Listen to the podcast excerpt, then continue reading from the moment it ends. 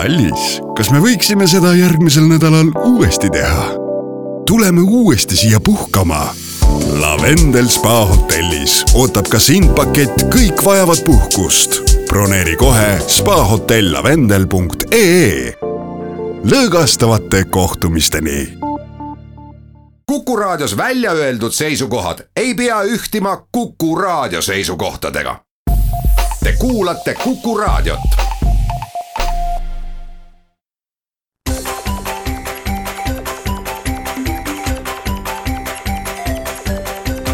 Maksumaksja. Koostöös Eesti Maksumaksjate Liiduga. Tere päevast, eetris on saade Maksumaksja, mikrofoni ees on Lasse Lehis. Täna räägin digimaksust, uuest Euroopa Liidu algatusest. võib-olla mõnevõrra üllatav oli esmapilgul selle teema käsitlus Eesti ajakirjanduses, sest tavaliselt me oleme harjunud ikka sedalaadi uudistega, et kui Euroopa Liidust tuleb mingi algatus, siis on need pigem rumalad ja eluvõõrad bürokraadid, kes järjekordselt Äh, banaanikõverust äh, reguleerivad või, või muud sarnast äh, jaburdust välja mõtlevad. siis seekord tundus reaktsioon kuidagi väga teise äärmusesse olevat, et, et Euroopa Liit lõpuks ometi on välja mõelnud õiglase maksustamise ja oi kui tore, et Eesti ametnikud on siin esirinnas olnud ja aidanud siis tulusid õiglasemalt maksustada, see tähendab kelleltki teiselt raha Äh, ära võtma. põhjus tegelikult äh, on lihtne, miks meie ajakirjandus, eelkõige just äh, eraõiguslik meedia selle uudise väga suure rõõmuga vastu võttis, sest tegemist on konkurentide maksustamisega, ehk siis meie online meedia konkurendiga, sotsiaalvõrgustikega, kes võtavad ära reklaamiraha ja sellelt reklaamitulult Äh, mis nad teenivad, äh, ei kipu Euroopa Liidule just eriti palju tulumaksu äh, maksma ja seetõttu täiesti arusaadav, et meie ajakirjandus selle ettepaneku väga suure rõõmuga vastu võttis. teine erisus väga paljude muude Euroopa algatustega võrreldes ongi see, et Eesti on siis oma eesistumise aega püüdnud sisustada just selle idee kallal nokitsemisega, ühest küljest on ilmselt ära kasutatud siis Eesti kui e-riigi kuvandit, et just nimelt siis digitaalvaldkonnas olla eestvedajaks ja kui teisest küljest üsna mitme muu algatuse puhul, näiteks tulumaksureformide puhul Euroopa Liidus. on Eesti mm, küll siiamaani olnud pigem nende riikide poolel, kes räägivad maksukonkurentsist ja. Ja, ja, ja sellest, et liikmesriigid peavad ikka olema suveräänsed ja et kui meie tahame teistest teistsugust tulumaksusüsteemi, et siis äh, ei ole nagu sakslaste või prantslaste asi tulla äh, kritiseerima, et miks me reinvesteeritud kasumeid äh, ei maksusta. või kui Bulgaaria tahab kümneprotsendilist maksumäära rakendada, siis ei ole kellegi asi nende kallal õiendada, siis nüüd järsku on Eesti just väga tuliselt asunud ühtlustamist toetama, et võib-olla on sellel ka mingid tagamõtted, võib-olla ma lihtsalt ei ole kursis. nüüd Euroopa Liidu mm, ettepanekutest korraga tehti kaks ettepanekut, üks ajutine ja teine siis lõplik, mis mõeldud siis, et niikaua kui see lõpliku ettepaneku osas töö käib ja, ja, ja peetakse läbirääkimisi, et kas üldse on võimalik mm, kokku leppida või mitte. siis niikaua rakendada ajutist süsteemi ja ajutise süsteemi mõte on siis eelkõige see, et kui ka seda ajutist ühtset süsteemi Euroopa Liidus ei rakendata, siis on oht, et iga liikmesriik hakkab ise omal käel nokitsema ja mm, neid internetihiiglasi siis oma äranägemise järgi maksustama. mis võib tähendada seda, et tuleb killustunud süsteem ja võib tekkida topeltmaksustamine, kui need riikide süsteemid äh, omavahel kokku ei lähe. Äh, lühidalt, äh, keda need siis puudutavad, kui räägime nüüd ajutisest ettepanekust, siis tegemist peab olema siis sellise ettevõtjaga, kelle kogu maailma aastatulu on vähemalt seitsesada viiskümmend miljonit eurot ja Euroopa Liidus sealhulgas siis viiskümmend miljonit eurot vähemalt. ja noh, see juba näitab, et äh, Eestit see kindlasti ju otseselt ei puuduta nii palju, et siis Eesti võib-olla saab ka mingi kübekese nendest maksutuludest, aga kindlasti Eestis ei asu ja vaevalt, et hakkabki kunagi asuma sellises mastaabis käibega mm, ettevõtteid. ja mis tegevusi siis selle mm, uue maksuga tahetakse rakendada, siis mm, digitaalne vahendustegevus internetis, reklaami müük ja üks kasvav trend ilmselt siis näiteks sotsiaalvõrgustiku puhul on siis kasutajate käest kogutud teabe, teabest kokku pandud andmebaaside müük, mida siis reklaami ja turunduse eesmärgil võidakse kasutada. ja ajutine ettepanek on siis kehtestada nendele globaalsetele digiteenuste pakkujatele siis kolmeprotsendiline maks nende teenuste käibelt. ja lõplik äh, maks oleks siis midagi tulumaksulaadset, ehk siis kui ajutine maks on kolm protsenti käibelt, siis äh, lõplik maks, mille väljatöötamisel siis Eesti ametnikud usinasti osalesid, äh, lähtub siis rahvusvahelises tulumaksuõiguses oleval mõistel püsiv tegevuskoht, mida siis modifitseeritakse niinimetatud virtuaalseks püsivaks tegevuskohaks ehk digitaalseks kohalolekuks ja siin on siis künnised aastatulu liikmesriigis seitse miljonit eurot, ühes konkreetses riigis siis, mitte Euroopa Liidus tervikuna. sada tuhat kasutajat siis digiteenustel ja mm, äriklientidega siis vähemalt kolm tuhat lepingut mm, aastas. See on siis väga lühidalt kokkuvõte mm, pärineb siis Euroopa Liidu pressiteatest, aga kuidas nagu hinnata siis nüüd maksu õiguse koha pealt äh, nende maksude sobituvust Eesti maksusüsteemi, sellest kohe pärast väikest pausi.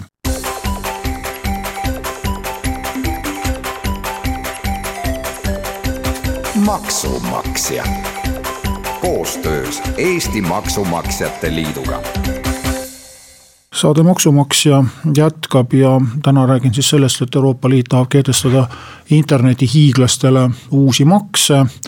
põhjustab, põhjendab oma ettepanekut sellega, et traditsiooniline tulumaksusüsteem ei ole, ei ole valmis sedalaadi toodete või tulude maksustamiseks ja praegust süsteemi ära kasutades ongi siis rahvusvahelised mm, digituru hiiglased, noh tavaliselt räägitakse Äh, siis äh, näiteks Facebookist või Google'ist eks neid ole teisigi, on ära kasutanud siis olemasolevat maksusüsteemi kurjasti. Äh, ja just Euroopa Liidus siis liigutatakse oma kasumeid ühest riigist teise ja sealt lõpuks välja kuhugi kahtlastele saarekestele niimoodi, et ei maksta oma kasumitelt üldse tulumaksu ja mm, ei maksustata ka oma koduriigis Ameerika Ühendriikides, vastu nimelt peidetakse ära need kasumid maksuparadiisidesse. mõned aastad tagasi oli selle kohta ka suuri skandaale ja andme, andmelekkeid, kus seal siis ka ära näidati, mismoodi seal Iirimaad, Hollandit, Luksemburgi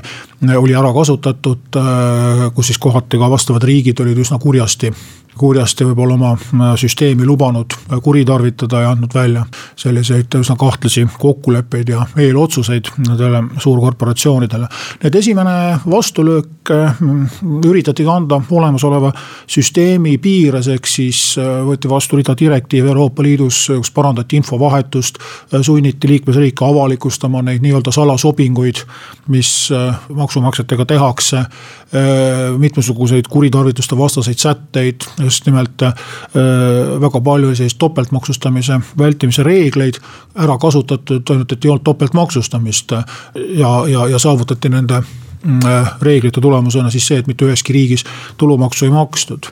tundub, et sellest jäi väheks, et nüüd siis on püütud äh, mingisuguse nii-öelda robustsema kirvemeetodiga nendele suurtele korporatsioonidele kallale minna, sellepärast et see praegu pakutav kolmeprotsendiline käibelt võetav maks selle kohta ei saanud küll öelda, et see oleks nüüd midagi väga innovaatilist maailma maksunduse ajaloos, pigem on see võib-olla selline appikarje. et midagi targemat ei osata välja mõelda, et kui Euroopa Liit ühtset maksu ei kehtesta, siis hakkavad liikmesriigid seda ükshaaval tegema. ja võib-olla mõtlevad midagi veel rumalamat välja. et jah, loomulikult siin käib ilus jutt maksutulude õiglasest jaotamisest ja ressurssidest ja panustamisest, noh seda oskame me kõik kirjutada, aga kui nagu maksunduse seisukohast lähtuda, siis on see tegelikult minu arvates kõige tavalisem tollimaks. mida võtame näiteks äh, Euroopa Liidus Jaapani äh, autodelt või ka Ameerika Ühendriikidest pärit autodelt, et kui ma äh, ostan autopoest Ameerikas toodetud auto, siis selle auto hind on tollimaksu võrra kallim ja keegi ei räägi, et Euroopa Liidus luuakse mingit lisandväärtust, vaid me kaitseme oma turgu, me tahame, et et äh, meie tarbijad ostaksid Euroopas toodetud autosid. ja kui mulle Euroopas toodetud auto ei meeldi, siis ma pean selle lõbu lihtsalt kinni maksma. et Ameerikas äh, või Jaapanist toodud autot omada. ja sisuliselt täpselt sama tahetakse teha siis äh, teenustega, digitaalsete teenuste kasutamisel siis, et kui Euroopa Liidu, Euroopas vastava valdkonna firmad ei ole nii edukad kui Ameerikas, see on omaette teema, miks nad ei ole edukad ja selles on süüdi eelkõige meie enda Euroopa riikide maksusüsteem, mis äh, on liigselt äh, suure maksukoormusega ja, ja peletab eemale äh, globaalselt tegutsevad ettevõtted, kellel on võimalik oma asukohta ise valida, kus oma serverid püsti panna ja kus oma programmeerijad tööle võtta. siis loomulikult nad lähevad sinna riiki, kus programmeerija palkadelt ei pea kolm korda sama palju riigile maksudeks juurde maksma ja nüüd me tahamegi lihtsalt karistada neid ettevõtteid selle eest, et nad põgenesid Euroopast äh, konkurentsivõimetu maksusüsteemi eest äh, ega midagi keerulisemat äh, siin ei olegi. nüüd mis ohud selle süsteemiga võivad kaasneda, eks seda tulevik näitab, aga jah, võib öelda, et see pikemaajalisem lahendus, mida nüüd Eesti pakub, on ehk natukene teaduslikumal alusel, sest siin tõepoolest püütakse aluseks võtta tulumaksu loogikat, siis nii-öelda füüsilist püsivat tegevuskohta täiendada virtuaalse püsiva tegevuskohaga. ta ei ole nii, nii robustne kui see esmane lahendus aga mõlemal on praegu kindlasti see risk, et äh, nagu siin sai neid suuri numbreid ette loetud siin äh, seitsesada viiskümmend miljonit eurot ja aastakäivet ja nii edasi, et äh, kui globaalses plaanis on väga lihtne muuta ühe juriidilise isiku asukohta ühest riigist teise, siis ei ole ka eriline kunsttükk teha ühest kümme või sada. Ja siin on üks hea näide Eesti ajaloost üheksakümnendatel ka tuldi sellise geniaalse mõtte peale, et äh, Saku õlletehasele oleks vaja äh, kõrgem õlleaktsiisimäär kehtestada. loomulikult ei kirjutatud seadusesse sõna Saku õlletehas, vaid äh, pandi selline tootmismaht või käibepiir, millest siis kõik teised Eesti tootjad jäid allapoole ja alguses olid nad ka kõik väga õnnelikud, hõõrusid käsi suurest heameelest, et konkurendile sai koht kätte näidatud. aga kui selgus, et ühel päeval oli Saku õlletehasest saanud kaks Saku õlletehast, üks tegi pudeliõlut, teine tegi vaadiõlut, siis oli kerge pettumus ja kui sama lihtsalt on ka see digimaks välditav, siis ilmselt saab ka väga suur pettumus olema nendel, kes praegu käsi plaaksutavad. aga kui rääkida nagu sellest maksusõja üldisest taustast, siis minu jaoks murekoht on pigem selles, et kui me vaatame üldse, mis praegu Euroopas ja Ameerikas toimub, Brexit, Donald Trumpi algatused, mis on ju väga lihtsate hüüdlausetega äh, edastamas mõtet, et Ameerika tegelegu rohkem oma asjadega ja vähem muu maailmaga, siis äh, räägime Mehhiko müürist, räägime terasetollidest, siis tegelikult on ju käimas juba või hoogu tõstmas kaubandussõda Euroopa Liidu ja Ameerika Ühendriikide vahel. ja selle uue digimaksu kehtestamine, mille mõte on ju Ameerika korporatsioonidelt rohkem maksutulu saada Euroopasse, ehk siis ameeriklastelt raha ära võtta. vähemalt Ameerika poolt vaadatuna, kindlasti on see nii ja siin me võime rääkida õiglasest maksustamisest, aga maailmas on paljud asjad omavahel seotud. nii et ma loodan, et kui Eesti poliitikud tegid selle otsuse, et asuda väga kirglikult sõtta äh, Saksamaa ja Prantsusmaa poolt äh, Ameerika vastu. et siis äh, meil on ikka meeles ka näiteks, kes meil Tapa linna lähedal asuvad, et kui Donald Trump on juba mitu korda meelde tuletanud, kuidas on kahe protsendi kaitsekulude nõude täitmisega Saksamaal ja Prantsusmaal või näiteks Luksemburgis. siis ma sugugi imestaks, kui vastulöök ongi see, et öeldakse, et hea küll, teie saate Google'ilt tulumaksu, aga edaspidi tegelete oma kaitseprobleemidega samuti ise ja Ameerika toob oma sõdurid Euroopast välja mis ei ole sugugi välistatud, sellepärast et kaks korda maailma ajaloos on Ameerika Ühendriikidel olnud selline periood, kus nad Euroopa asjadega ei tegele. esimest korda lõppes see esimese maailmasõjaga, teinekord lõppes see teise maailmasõjaga. ma väga loodan, et kolmandat korda ei tule. tänan teid kuulamast, uus maksuteema järgmisel nädalal.